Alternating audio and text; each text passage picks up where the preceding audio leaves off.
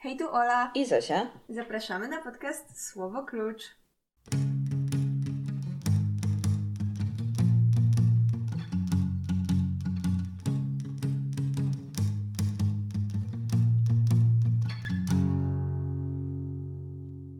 W dzisiejszym odcinku porozmawiamy o książce Człowiek, który kochał Syberię, pięknie wydanej przez y, wydawnictwo poznańskie, którą to napisali Roy pewnie Jakobsen, bo to Norweg, i Annalise Pitz, o których powie nam Zosia.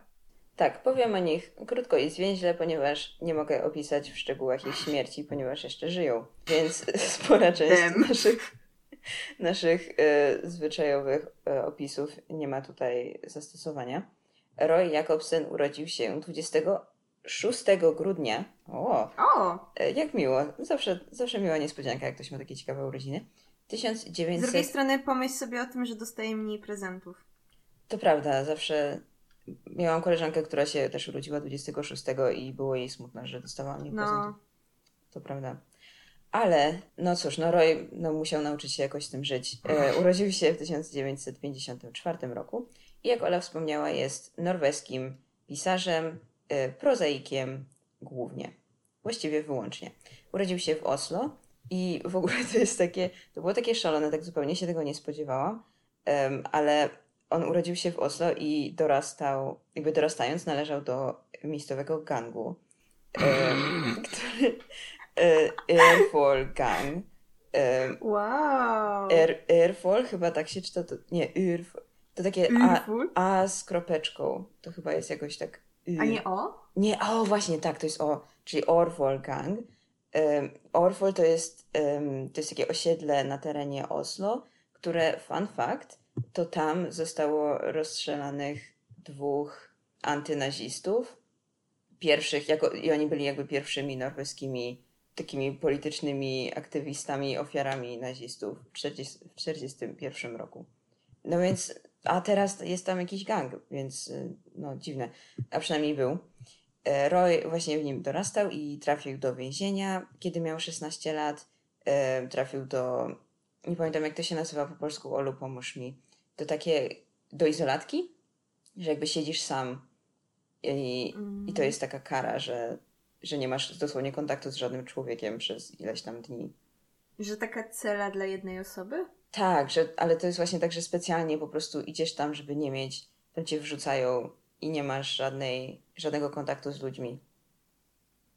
No, w każdym razie tam trafił do takiej celi na, trzy, Jak Breivik. jak, na ponad miesiąc, na 35 dni. No i miał ogólnie zatarcia z prawem typu y, nielegalna broń, kradzież i tak dalej, ale y, nie trafił już dłu- na dłużej do więzienia. No i jakoś wyszedł z tego. Potem przez kilka lat mieszkał ze swoją mamą na wsi, bardziej na północy Norwegii. Y, Poślubił swoją obecną żonę, czyli Annelise Pitz, urodzoną w 91 roku. I razem sobie żyli. Zadebiutował jako powieściopisarz. Właściwie nie powieściopisarz, zadebiutował e, Czekaj, moment. zbiorem. W którym roku się urodziła? Ona jest 3 lata starsza od niego, w 51. A okej, bo usłyszałam w 91 i dlatego miałam takie... Co? nie, nie, nie. Okej, Już dobra, ona już spoko. tak, jak się patrzy na jej zdjęcia, to już jest właśnie taką starszą panią teraz. Mm, okej. Ma 71 lat, a on ma tam 68 w takim razie. Em, I co? A, że zadebiutował zbiorem opowiadań Fangelief e, w, dziewię- w 82 roku. Nie zostały one wydane po polsku. No i jest dosyć płodnym pisarzem, bo wydał kilkanaście już powieści, e, kilka zbiorów opowiadań, książkę dla dzieci. Napisał też biografię e, norweskiego polityka, premiera dwukrotnego, e, Trygve Martina Brateliego. Także tutaj, no a teraz jeszcze tę książkę, która jest taką powiedzmy powieścią, ale inspirowaną prawdziwą osobą, o której dzisiaj będziemy mówić, więc się chłopak spełnia w różnych, na różnych polach. E, Jeśli chodzi o jego żonę, to jest o niej. A, jeszcze, sorry, jeszcze wspomnę właśnie o tym Roju, że jest on uznawany za jednego z najlepszych em, współczesnych pisarzy norweskich i wygrał wiele nagród. I wciąż mieszka w Oslo. Em, jeśli chodzi o jego żonę, no to jest tutaj mniej informacji, ale wiemy, że urodziła się 26 lipca 1951 roku i dorastała. Ona ogólnie jest Belgijką, urodziła się i wychowała się tam i przyjechała do Norwegii kilka lat przed poślubieniem Roya, bo w 74, a oni wzięli ślub w 79. E, ma doktorat z lingwistyki o e, norweskim, e, z norweskiego uniwersytetu Trondheim. Trondheim. E, natomiast teraz o, wykłada... w ogóle czekaj, przerwę ci, Mhm. bo ja poznałam w wakacje taką dziewczynę, która studiowała przez trochę lingwistykę właśnie w instytucie twoim, Mhm. a, a potem pojechała na coś typu Erasmus, tylko do Norwegii, właśnie do Trondheim. I kiedy przeczytałam na okładce tej książki, że ta kobieta studiowała tam lingwistykę, od razu pomyślałam, o, jak Wiktoria. No. E, nice. Jest tutaj pewne powiązanie. A nie, To przepraszam. tyle. Tak, bardzo fajna anegdotka.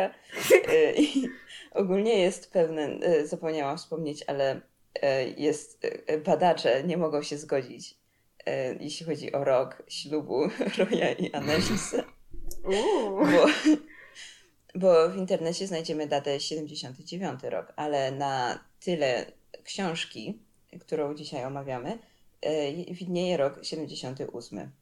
Nie wiem, może wzięli ślub cywilny i kościelny, a No Polacy może. uznają tylko kościelny coś w stylu. Nie wiem, ale ogólnie to tyle o niej wiadomo, że ma doktorat z lingwistyki i wykłada na Uniwersytecie w Oslo. No i to była jej pierwsza książka, ta książka, którą teraz e, napisała wspólnie e, ze swoim mężem. I jeszcze wspomnę może o tym, co ich zainspirowało do napisania tej książki. To znaczy, Ola zaraz wyjaśni dokładnie, o czym jest ta książka. E, Ja tylko powiem, że dzieje się rzecz na Syberii i w posłowiu Roy i Annelise nam wyjaśniają, że, że zakochali się ostatnio w Syberii, ponieważ dostali tajemniczy rękopis, o którym może... Saragosy. tak, może Ola wyjaśni o co chodzi. I od tamtej pory ym, zaczęli, zaczęli podróżować na Syberię, zakochali się w tej pięknej krainie, czytali wszystko, co im wpadło w ręce na temat Syberii. I owocem tego jest książka Człowiek, który kochał Syberię, która może powinna była się nazywać Ludzie, którzy kochają Syberię.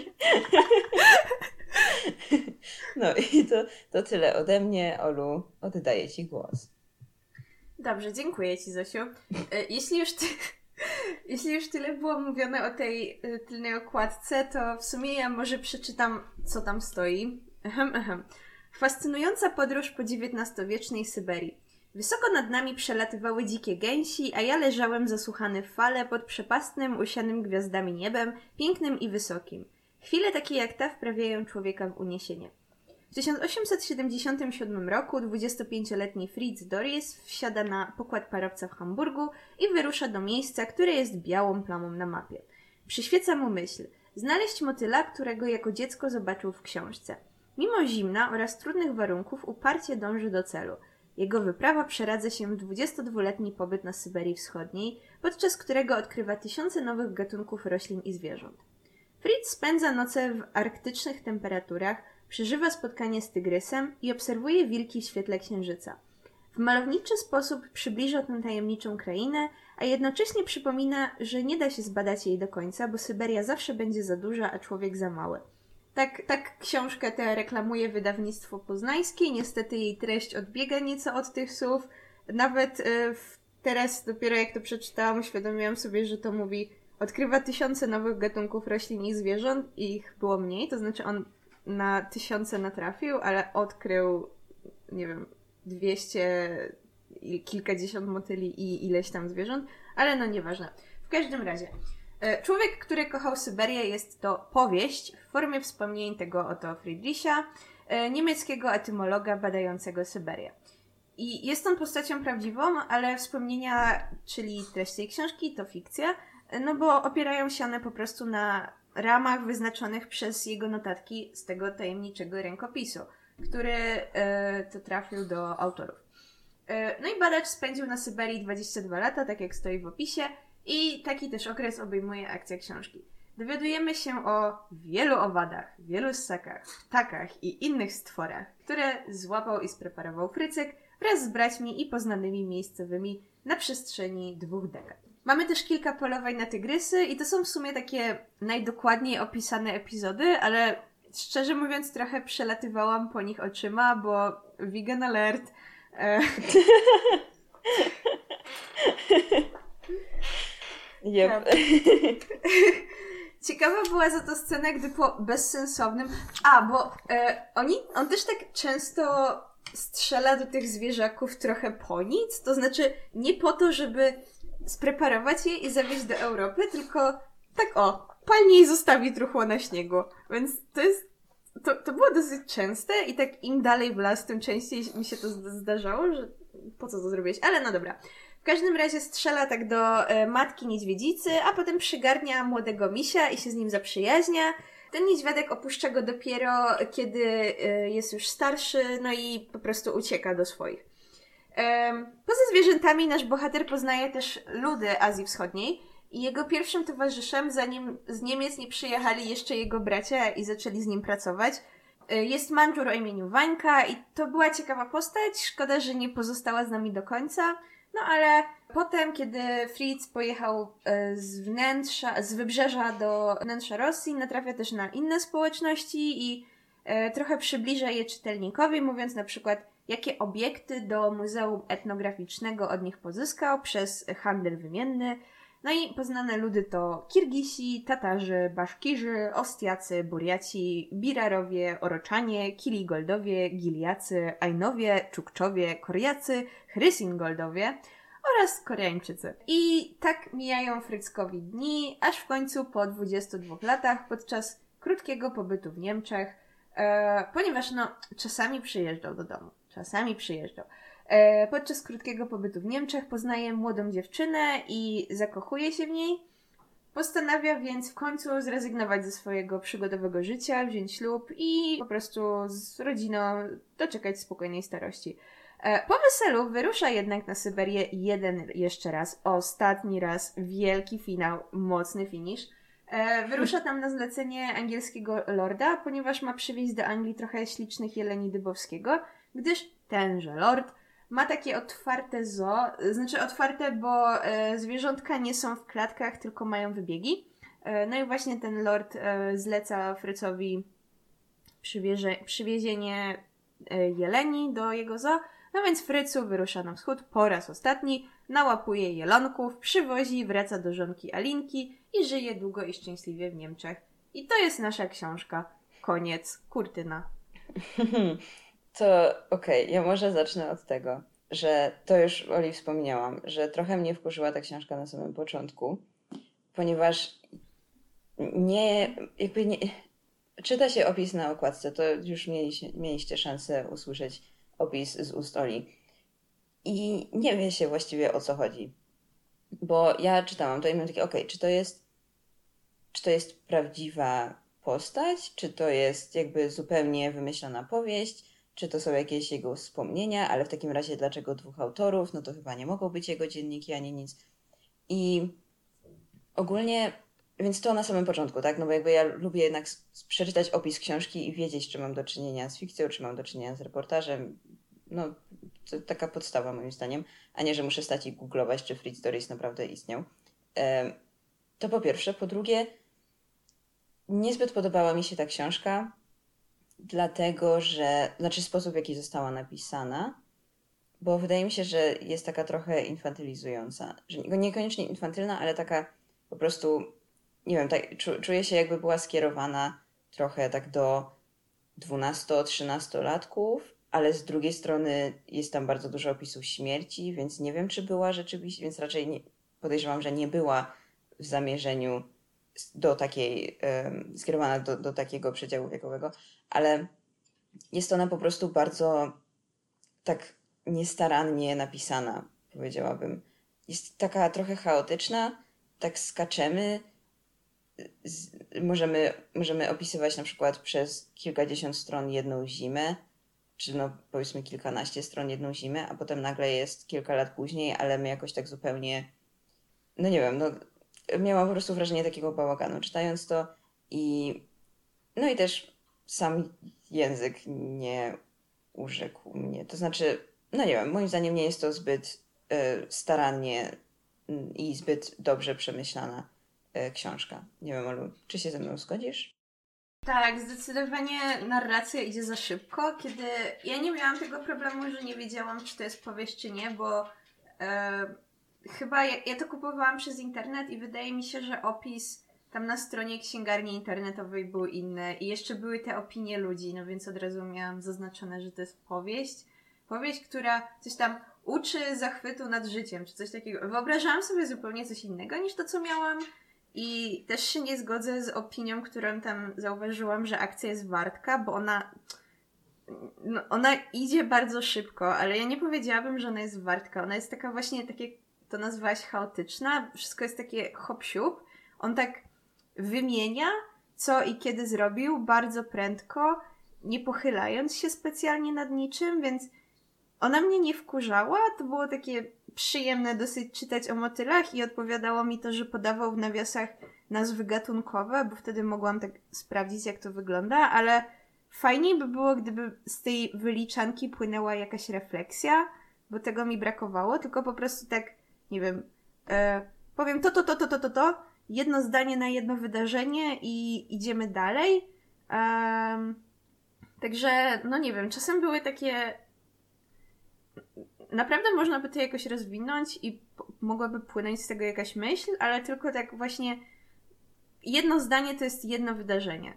Więc tak. E, trochę, jak, trochę mi się to kojarzyło z podręcznikami w szkole, gdzie przez to, że ma być jak, naj, jakby, jak najmniej słów, żeby te książki były mniejsze i trochę tańsze, to, to też się tak skraca, że jedna informacja to jest jedno zdanie, a nie kilka zdań, które by to wyjaśniły, to to jest trochę jak w tej książce. O Jezu, no tak, tak, to skojarzenie z podręcznikiem jest bardzo trafne moim zdaniem. Z jakimś podręcznikiem do historii czy coś, gdzie tylko tak du, du, du, du tak, tak mega sprintują. E, ale jeszcze powiem, że żałuję, że nie wypisywałam tego na bieżąco, bo teraz nie sposób mi tego było znaleźć. A głupio być tak gołosłowną, no ale dobra, były ze trzy takie takie pożyteczni idioci momenty, że tak jakby, nie wiem. Dobra, w sumie najpierw może podam przykład, zanim wysnuję z tego jakiś wniosek. Najśmieszniejsze było dla mnie, gdy powiedzieli, w którymś momencie jest powiedziane w tej książce, że na Syberię syła się tylko najgroźniejszych przestępców. No i, well, to, to nieprawda. E, ale potem też jak o tym pomyślałam, to w sumie to, to, to niekoniecznie jest tak, jak najpierw mi przyszło do głowy, że ci autorzy się nie zastanowili dwa razy, zanim to napisali, tylko pewnie też trochę mam nadzieję, że o to chodziło. E, to jest obraz Friedricha, który stworzyli, że to tak postać ta myśli, a niekoniecznie oni. E, bo jeszcze były właśnie ze dwa takie momenty, kiedy oni mówią coś o o tym, że do tej pory tylko Rosjanie badali Syberię czy coś w tym stylu i mają ewidentnie na myśli jakichś polskich badaczy, tylko pewnie po prostu na Wikipedii było napisane, że urodzili się w Imperium Rosyjskim, więc ergo Rosjanie. E, no ale dopiero potem mi tak przyszło do głowy, że w sumie może to jakby pokazuje, nie wiem, nie ich niewiedzę, tylko bohatera, nie mam pojęcia. No, może tak. Co prawda pojawia się bohater, który, którego Fritz spotyka w głuszy, który mu mówi, że jest ze słońcem politycznym, że po prostu e, protestował i na placu w Moskwie miał być skazany, a potem jednak został skazany na, nie na śmierć, tylko właśnie na Syberię. Ale tak, ale oczywiście jest to właśnie jedna taka krótka wzmianka, więc zgadzam się z Tobą, że jakiś taki research historyczny tutaj nie powala na kolana. No tam było właśnie, nie mogłam tego znaleźć, bo tam było takie zdanie, że wszyscy wiemy, że na Syberię są zsyłani najgorsi przestępcy. I... Tak. Czy wszyscy to wiemy? No. E, ja może... E, z czego to może wynikać? Albo inaczej. Dlaczego frustruje mnie to, że ta książka powstała zamiast czegoś innego? Przeczytam pierwszy fragment posłowia autorów. Powieść ta nie powstałaby bez Randy Karelius Krogswyn, która w 2006 roku przyniosła mi rękopis swojego pradziadka Fritza de Risa. Były to wspomnienia, które 90-letni Dyrys spisał w trzech kopiach w Hamburgu w roku 1942, a więc w samym środku II wojny światowej. Chciał opowiedzieć swoim trzem córkom, czym zajmował się jako zbieracz motyli, badacz, myśliwy i odkrywca na Syberii Wschodniej w ciągu pełnych przygód lat między rokiem 1877 a 99.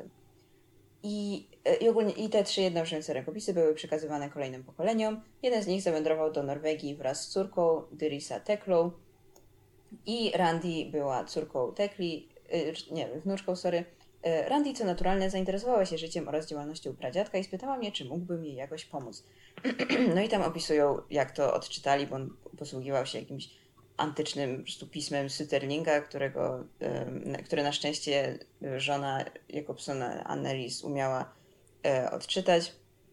I potem mówią, że na podstawie tych wspomnień napisali tę powieść i że stało się dla nich jasne, że musi powstać z tego powieść, która będzie e, snuć domysły i wypełniać puste plamy e, tych, tych wspomnień i tak dalej. Ja się jakby tak zupełnie tego nie rozumiem. Nie rozumiem, dlaczego po prostu nie przetłumaczyli i nie wydali tych wspomnień, skoro to nie. Myślałam przez chwilę, że może ta rodzina nie chciała właśnie tak udostępniać tego, no ale potem piszą, że że te wspomnienia były im tak zupełnie tak wolną ręką po prostu udostępnione, że oni mogli z nich korzystać jak chcieli. Dlaczego nie wydać tych wspomnień? To by było tak milion razy ciekawsze, niż jakby dlaczego zrobić coś w tym stylu, że po prostu piszesz książkę w pierwszej osobie, że niby jako ten, ten Dyrys, e, piszesz słabą książkę, e, tak trochę udajesz jakby, nie wiem, nie wiem, jakby dlaczego po prostu nie, nie przetłumaczyć, nie wydać tych wspomnień i to by one by miały jakąś taką wartość historyczną. Zamiast, no wiesz, no bo to zawsze jest jakby mm. ciekawe, jak ktoś do ciebie mówi przez wieki. Nie mówisz, że byłem tutaj, byłem tutaj. A tutaj czytasz to i też masz takie byłem tutaj, pojechałem tutaj, ale to jest takie sztuczne, no bo wiesz, że to piszą jacyś dwaj, po prostu jakiś Norweg i Belgijka, a nie... Ja pomyślałam, że może chodzi o to, że te, mm, te, te wspomnienia to były takie, takie jakby niespójne notatki, że Dzisiaj przy, wys, wysłaliśmy do Niemiec trzy tygrysy, a potem pięć dni później. Dzisiaj była śnieżyca, czy coś. I, i że oni jakby dopisali, te, tak, tak sobie usprawiedliwiam te białe plamy, no, czy coś, że oni nie. po prostu dopisali jakiś taki. No ale przecież to jest. Link. Jest powiedziane, że on, że to są. To nie jest tak, że on, że to są jego dzienniki, tylko to są jego wspomnienia, które on spisał w 1942 roku. No to prawda. Więc to musiał jakby już mieć jakąś taką, no. to już no. było po wszystkim, więc pisał, nawet jeżeli z białymi plamami, no to, no to sorry, no to ja bym wolała chyba mieć białe plamy niż czytam taką książkę i oni mi potem mówią, że snuli no, domysły no, ja nie wiem, co jest prawdziwe, a co nie i co się naprawdę zdarzyło, a co nie i czy to nie jest tak, że najciekawsze jakieś rzeczy to są jakieś ich, wiesz, zupełnie wymyślone fragmenty. Mm, to prawda.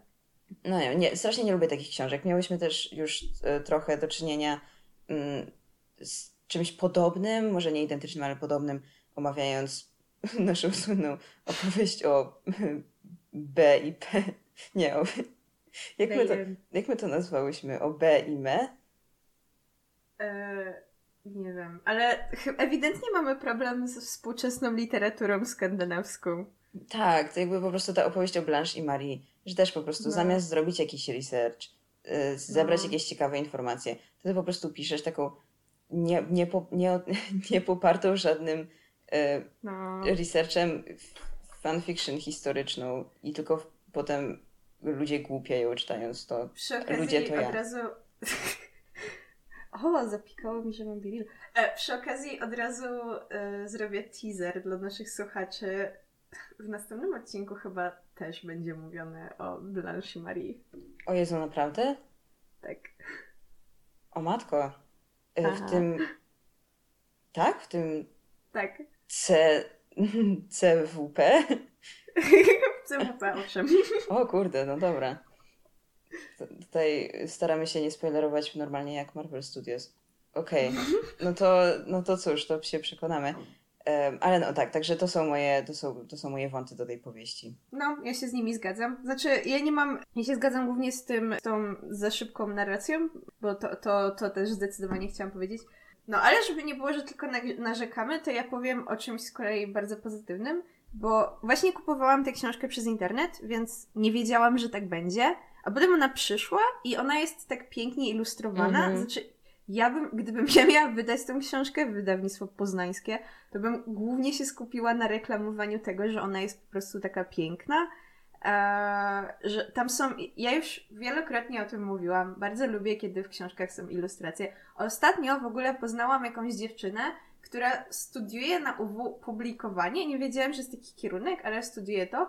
I przeglądałam jakby ich program i tam był, były takie lekcje o, nie wiem, roli ilustracji w książkach i tak dalej. W każdym razie, w tej książce właśnie są ilustracje. To są rysunki Dorisa, które wykonywał na tej Syberii, e, więc to jest, to jest dużo motyli, e, to są też po prostu pejzaże, rysunki tych ludzi, których napotkał, więc jakby to jest taką, taką, nie wiem, wartością wielką tej książki, że nie powiem, że to ją jakoś ratuje czy coś, ale na pewno tak to, to, to było świetne. To, to jakby to sprawi, że tak, no nie wiem, mimo że ona była kiepsko napisana, to jednak zostanie mi w pamięci, bo po prostu miała takie ilustracje.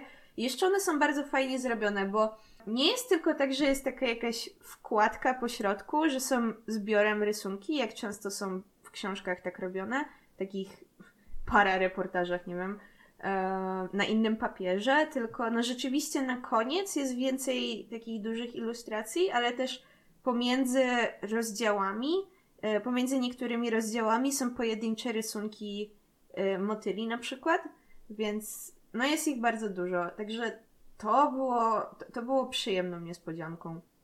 Tak, zgadzam się. To dla mnie była chyba najprzyjemniejsza No. część tej książki. To właśnie te bardzo ładne rysunki, jakieś jelonki też się pojawiały i, e, i to było bardzo fajne. Takie miłe było. Tak obracasz stronę i takie, o, motylek. E, No i ogólnie jest, ma bardzo ładną okładkę, podoba mi się też okładka.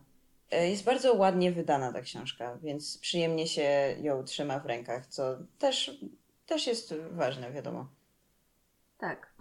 Jest bardzo lekka i ma wstążkę do zaznaczenia stron. A wstążek akurat nie lubię. Czy lubisz wst- wstążeczki do zaznaczenia stron? Ja lubię, ja tak nie używam za bardzo zakładek, tylko tak zazwyczaj pamiętam, gdzie skończyłam, ale jak mam wstążkę, to myślę, ach kurczę, dostałam w gratisie zakładkę, która nie zgubi się.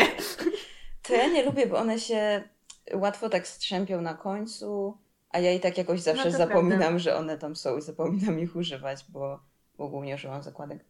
Ale y, jest, to, jest to rzeczywiście miły gest ze strony wydawcy. Ja chciałam powiedzieć o fragmencie, może nie o fragmencie, to o czym już wspomniałaś. E, polowania. Duża ilość polowań w tej Mhm. książce. Wiadomo, że na Syberii Wschodniej e, się nie przeżyje bez polowania, zwłaszcza w tamtych czasach, więc to jakby okej. Ale to, co mnie jeszcze bardziej zastanowiło, to to, że on. A, jakby to, co on robił, to nie było takie do końca może etyczne. E, Nie wiem, jak to, to jest jakby trudny problem. Nie wiem, jak ty się na to zapatrujesz. Chodzi mi tutaj głównie o to, że e, dosłownie tak odkopał grób jednego ze z tych No, Jezu, zmarłych co z nie? tego ludu. Zapomniałam, wyparłam chyba to, Tak, masz rację. bo To muzeum, było straszne. muzeum zleciło mu e, spreparowanie, tam przywiezienie e, czaszek ludów azjatyckich, więc on po kryjomu odciął głowę, e, czy tam jakby odciął właśnie tę do połowy rozłożoną głowę e, jakiegoś zmarłego i po prostu zawiózł tę czaszkę ze sobą z powrotem. E, I próbował to zrobić jeszcze raz z jakimś innym ludem, ale został nakryty, więc dopiero rok później mógł ukraść tę czaszkę Mhm, co no. też zrobił. To po pierwsze. Po drugie, e, bardzo często pojawia się takie zdanie: Udało nam się uzyskać ileś tam, ileś tam, nie wiem, broni, albo tam artykułów e, odzieży, albo, albo jakichś świętych amuletów. E, kropka. I Roy i Annelise się tak zupełnie nie zagłębiają w to, jak on zdobył te, te przedmioty. Jakby czasem on mówi, że kupił coś, no nie, że kupił coś od tych ludów, więc mam nadzieję, że o to chodzi zawsze, a nie, że po prostu im je jakoś, nie wiem, No, ja tak zabrał, bo, bo on wywozi niesamowitą ilość tych przedmiotów, jakby naprawdę tysiące. Potem jest takie podsumowanie i, i to też to podsumowanie tak nie brzmiało zbyt dobrze, jak on tak y, zabiłem ponad 2000 jeleni. Mam takie, no dobra, czy, czy potrzebowałeś zabić jakby, jakby w sensie zabić nie dla pożywienia, tylko zabić dla wywiezienia do Europy aż 2000 jeleni, jakby to okej. Okay. To po pierwsze. Po drugie, czy nawet po trzecie, jest taki fragment, w którym mam nadzieję, że zrobiłam mu zdjęcie. Tak, jest taki fragment. To jest okres, kiedy, kiedy on mieszka, nie, czy chyba razem z Henrym, tak, e, ze swoim bratem Henrym mieszkają blisko wioski Mongołów. E, nie wiem, nie wiem, czy wynikało to z naszego żywienia się rybami, e, którego Mongołowie nie popierają, czy też może z czegoś innego egzotycznego w nas. Lecz pewnego dnia miejscowi doszli do wniosku, że nie życzą sobie, abyśmy tam dłużej przebywali. Jak się dowiedzieliśmy, stara kobieta, uważana za wieszczkę, przepowiedziała: Kiedy Niemcy wyłapią nasze motyle, słońce przestanie świecić i zboże nie dojrzeje. Tym samym nakazano nam wyjazd, na co rzecz jasna nie mogliśmy się zgodzić. No bo mhm. jakże tak, mielibyśmy opuścić ten raj? Dalej więc robiliśmy swoje. Ale któregoś dnia z lasu wyłoniło się pięciu uzbrojonych miejscowych. Ustawiło się w odległości zaledwie 30 metrów od domu i zawołało, że mamy wyjść i przyznać się do grzechu. Byliśmy zajęci wewnątrz i, odkrzyknęli, i odkrzyknęliśmy, że nie ma mowy. Daliśmy też jasno do zrozumienia, że jeśli spróbują nam coś zrobić, będziemy strzelać, a na dodatek pokazaliśmy im w drzwiach lufy strzelb. Yy, po tym zdarzeniu nie mieliśmy już więcej problemów z tubylczą ludnością. Jakby ja się to totalnie nie dziwię, że ta stara wieszczka nie chciała, mhm. żeby on wyłapywał im wszystkie motyle. Jakby wiadomo, że no bo wiesz, to jest taka zapowiedź, to tak brzmi tak strasznie złowrogo, jak się to teraz czyta, bo to jest zapowiedź tego, co Europejczycy zrobili z przyrodą w ogóle wszędzie. Tak wiadomo, że nie sam Fritz ze swoimi motylami, ale to jest ten sam jakby schemat, no nie? Że jakaś miejscowa ludność po prostu żyje sobie w spokoju. No. Przychodzą jacyś Europejczycy, zaczynają coś zmieniać i potem nagle okazuje się, że kurde, nie da się już żyć w tym miejscu, bo no, bo przyroda już jest zniszczona.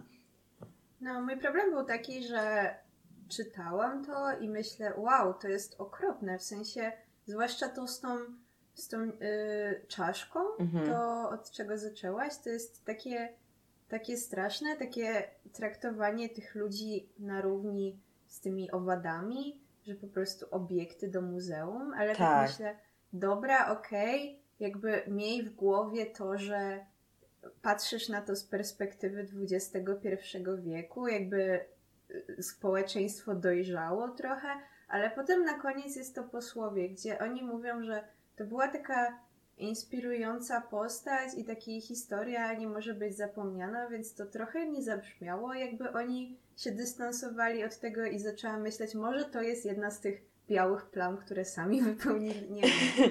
Ale mm. no to było, to było strasznie trudno czytać, bo oni właśnie no, albo to, to jak ignorowali po prostu to, że nie są mile widziani gdzieś i nie no dobra, bo to mówią tylko jakieś tam ludy Syberii, whatever, zignorujmy to, siedźmy dalej. No, no, no nieprzyjemne. Tak, o Jezu, jeszcze w jakimś, jest taki fragment, kiedy on mówi, że e, jakieś tam kości e, sprzedaliśmy łatwo Chińczykom, bo oni y, w swojej naiwności wierzą, no. że te kości mają jakieś właściwości lecznicze. E, A wy okay. wierzycie w magnetyzm. Lol. A wy rozdajecie więźniom Biblię i potem się dziwicie, że niektórzy z nich nie chcą ich przyjąć z pobożnym ukłonem. Jakby, kurde, jakby dosłownie jest taki fragment, jak oni to robią. No, coś takiego było. No, więc jakby z jednej strony to jest ciekawe czytać o, tych, o tym, jak nauka się rozwijała i co ludzie kiedyś, nie wiem, robili, żebyśmy teraz mieli jakieś takie normalniejsze praktyki, ale jest jednak taki niesmak. Tak, tak. To nie jest tak, jakby trudno to tak jednoznacznie całkowicie potępić, no. ale no też nie, trudno też to jednoznacznie się tym zachwycać. E, ja, ja za to przeczytam inny fragment. On mnie, on mnie akurat rozśmieszył. Nie miałam w tej książce dużo czegoś takiego, że myślę, wow, to było takie strasznie głupio napisane. Natomiast to, to jednak bardzo mnie rozbawiło. Bo ogólnie czasami w tej książce są takie momenty, że on to pisze jakby no z późniejszej perspektywy, kiedy coś już jest jakby znane, no nie? E, mhm. E, ale może tym autorom było trudno zachować tą perspektywę i pamiętać czasami, że czegoś by jeszcze nie wiedział. I właśnie był taki kawałek. Zapamiętałam ten incydent nie tylko dlatego, że oderwał moje myśli od utraconego psa, lecz także ze względu na fakt, że po raz pierwszy ujrzałem słynny pałac Topkapi, oświetlony jak baśniowa budowla z książki dla dzieci. Światło było tak wyraźne i jasne, iż uznaliśmy, że musi być sztuczne, co było dziwną obserwacją, bo przecież ledwie odkryto elektryczność. I zdanie mnie tak strasznie rozśmieszyło, bo to brzmi jakby oni napisali początek, a potem sobie przypomnieli, nie moment, to jest bardzo mało prawdopodobne, że to byłoby sztuczne światło. Zaraz, musimy jakoś to usprawiedliwić. Disclaimer. Tak, jakiś disclaimer. I to mi się skojarzyło z tym, jak pisałam jakieś opowiadanie, jak byłam dzieckiem i potem tak docierało do mnie, nie, to, to jest za bardzo nieprawdopodobne. Dam jakieś zdanie, które totalnie uzasadni to. Jakby wyjaśnię, że wiem, że to jest nieprawdopodobne i wtedy wszystko będzie ok. Tak, tak to dla mnie brzmiało. To było dziwną obserwacją. To było bardzo dziwne. No, no tak, no tak. Tak, no ale ilustracje są ładne. Lol. Tak. I ogólnie jakby postać tego Fritza to też nie jest tak, że go jakoś tak zupełnie potępiam, no bo to jest bardzo imponujące mm-hmm. i bardzo, tak, bardzo no. ciekawe, tak, to jest bardzo ciekawy życiorys, bardzo ciekawa postać. Także to, to też jest wartość tej książki, że jakby okej, okay, jakby jestem, jestem skłonna przyznać, że gdybym dostała książkę Fritz Duris Życie na Syberii, no to może bym nie spojrzała na nią drugi raz, a jak mam taką książkę Człowiek, który kochał Syberię, no to... Tak, no, no już... No nie to... marketingowo, ta książka jest naprawdę... Tak. tak. Jeśli chodzi o promocję, wydawnictwo poznańskie się postarało. Tak, także no też jestem skłonna przyznać, że to, że to nie są jego wspomnienia, tylko jakaś taka właśnie fikcja, to jest bardziej, przyst- jakby bardziej przystępne po prostu i może czytelnicy się zainspirują, będą sobie dalej czytać o Syberii, no jakby spoko. E, o, ale jeszcze powiem tak właśnie nie a propos tej książki, tylko to, że on wydaje się ciekawą postacią, to to, co moim zdaniem było fajnie zrobione, to e, to, jak on chce wrócić na tą Syberię i to znowu jest tylko jakoś tak parę zdań, więc można by to naprawdę rozwinąć i lepiej napisać, ale dobra, okej. Okay. Kiedy już wziął ślub i ma taką refleksję, że potem wraca na Syberię, że będzie mu brakowało tego życia i tak dalej. I to jest to, co ja pomyślałam na początku, kiedy zaczęłam to czytać i dowiaduję się, że on był tam 22 lata i byłam ciekawa, co musiało się stać, żeby on wrócił do normalnego trybu życia i jak potem sobie z tym radził, no więc okazuje się, że no brakowało mu pewnie tego życia i wspominał to jednak ciepło, skoro po kilkudziesięciu latach nadal o tym opowiadał, pisał. E, mhm. No ale właśnie to było dla mnie ciekawe, jak on wziął ten ślub, ale jeszcze raz tam pojechał. A potem jeszcze, mm. no to było fajne, to było też fajne, że on,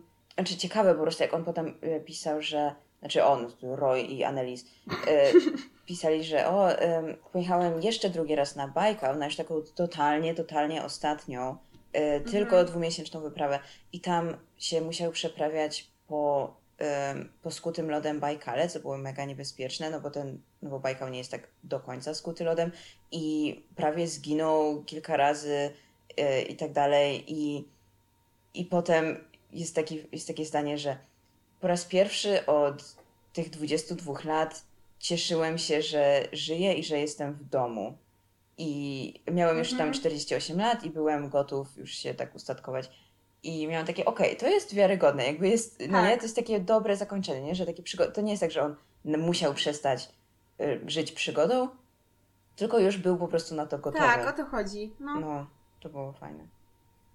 E, dobra, to tyle z mojej strony. Zosiu, czy Z mojej jakieś... również. Nie, nie, już, już wystarczająco, wystarczająco ponarzekałam. E, jakie jest twoje słowo klucz? Moje słowo klucz to śmierć. Um, śmierć! Bo non-stop jakieś polowania, non-stop garbowanie tak. skór, non-stop wszyscy, wszystkie zwierzęta giną to raz. A dwa, też te, te ludzie po prostu, te, to ilość przestępców, jaką um, nasz podmiot literacki LOL opisuje, że to naprawdę życie tej Syberii, ile razy on ledwo uszedł z życiem przez przypadek, bo przypadkiem natknął się na jakiegoś zbójcę, który się czaił w krzakach, żeby go zastrzelić nocą albo coś w tym stylu. To tak jakby wow, wow, po prostu kraina nasycona śmiercią. Tak, i ja jeszcze, ja jeszcze uzasadnię dodam coś, że to naprawdę, my naprawdę nie przesadzamy z tą śmiercią, bo to nie jest tak, że po prostu jest nam smutno, bo są jakieś tragiczne opisy śmierci, tylko autentycznie to jest takie suche i kliniczne, że on wymienia wyszedłem, zobaczyłem, zastrzeliłem, nie potrzebowałem tego, więc zostawiłem na śniegu i potem dwa zdania znowu coś innego strzela. I to jest po prostu takie, takie nieuzasadnione, takie, takie trochę absurdalne w którymś momencie, bo po prostu jest taka wyliczanka wyszedłem, zabiłem to, to, to i to i to i to. No, no. Dopiero pod koniec jest jakaś refleksja, że o, zastrzeliłem jelenia i potem ten jeleń podszedł do mnie no. e, i, i patrzył mi w oczy i wtedy zrobiło mi się głupio i się zawstydziłem. Jakby, okej, okay, po 22 latach jakby jakoś... Anyway. Jakie jest twoje słowo kluczowe? Moje słowo klucz to ilustracje. E, i, I po prostu tyle. tak, nie wiem, to jest od razu takie lepsze, kiedy w książce są obrazki. Tak, wszystkie książki dla dorosłych powinny mieć obrazki. Zgadzam się, zgadzam się. To powinniśmy wrócić do tego, jak, no nie, jak czytasz Pana Tadeusza i masz jakieś takie ryciny no, wszędzie i tak dalej. Prawda? Czemu teraz nie ma rycin? Ja chcę mieć no. ryciny. No. E, świetne słowo klucz. No więc, y, czy poleca, tak, tak jeszcze na koniec, czy polecasz tę książkę? Wiesz co, ja rozmawiałam, jak e, odebrałam tą książkę właśnie z poczty i spotkałam się wtedy z moją przyjaciółką i pokazałam Tani te obrazki i ona powiedziała, że właśnie bardzo chciała to przeczytać. Wcześniej to teraz już raczej nie sądzę, że jej zaproponuję, że jej to pożyczę, bo myślę, że nie będzie jej się podobać. No ale no nie wiem, jeśli chcecie dać komuś prezent, komuś, kto tak nie za bardzo czyta książki, ale żeby miał na półce ładne obrazki, spoko. No, o, no, tak. Tak, a ty, Zosiu? Ja bym, już to ja bym poleciła tę książkę tak właśnie jakiemuś młodszym, jakiejś młodszej osobie, która ma tak może 13-14 lat no. i, i, i, lubi czytać przygody czy coś. Jakby nie jest to najlepsza książka przygodowa, no nie, ale ale jest tutaj coś jakby, coś, co może naprawdę zawładnąć wyobraźnią, po prostu sam temat, no nie, życia na tak. Syberii. E, więc, więc właśnie jeśli chodzi o takie pobudzenie wyobraźni, to spoko, plus ładne obrazki, ale tak osobie, która jakoś, nie wiem, czyta głównie jakąś taką, wiesz, dobrą literaturę, no to, to nie, to zdecydowanie no. nie. E, e no. no. To tyle. No i jak to mówią Hiszpanie, takie pasatiempo. E, dobra, to tyle na dzisiaj. Mamy nadzieję, że mimo wszystko podobał Wam się ten odcinek. E, I w ogóle, że podobał Wam się nasz super program. E, jeśli tak, to polećcie na znajomym i zapraszamy do wysłuchania następnego. Pa, pa, pa.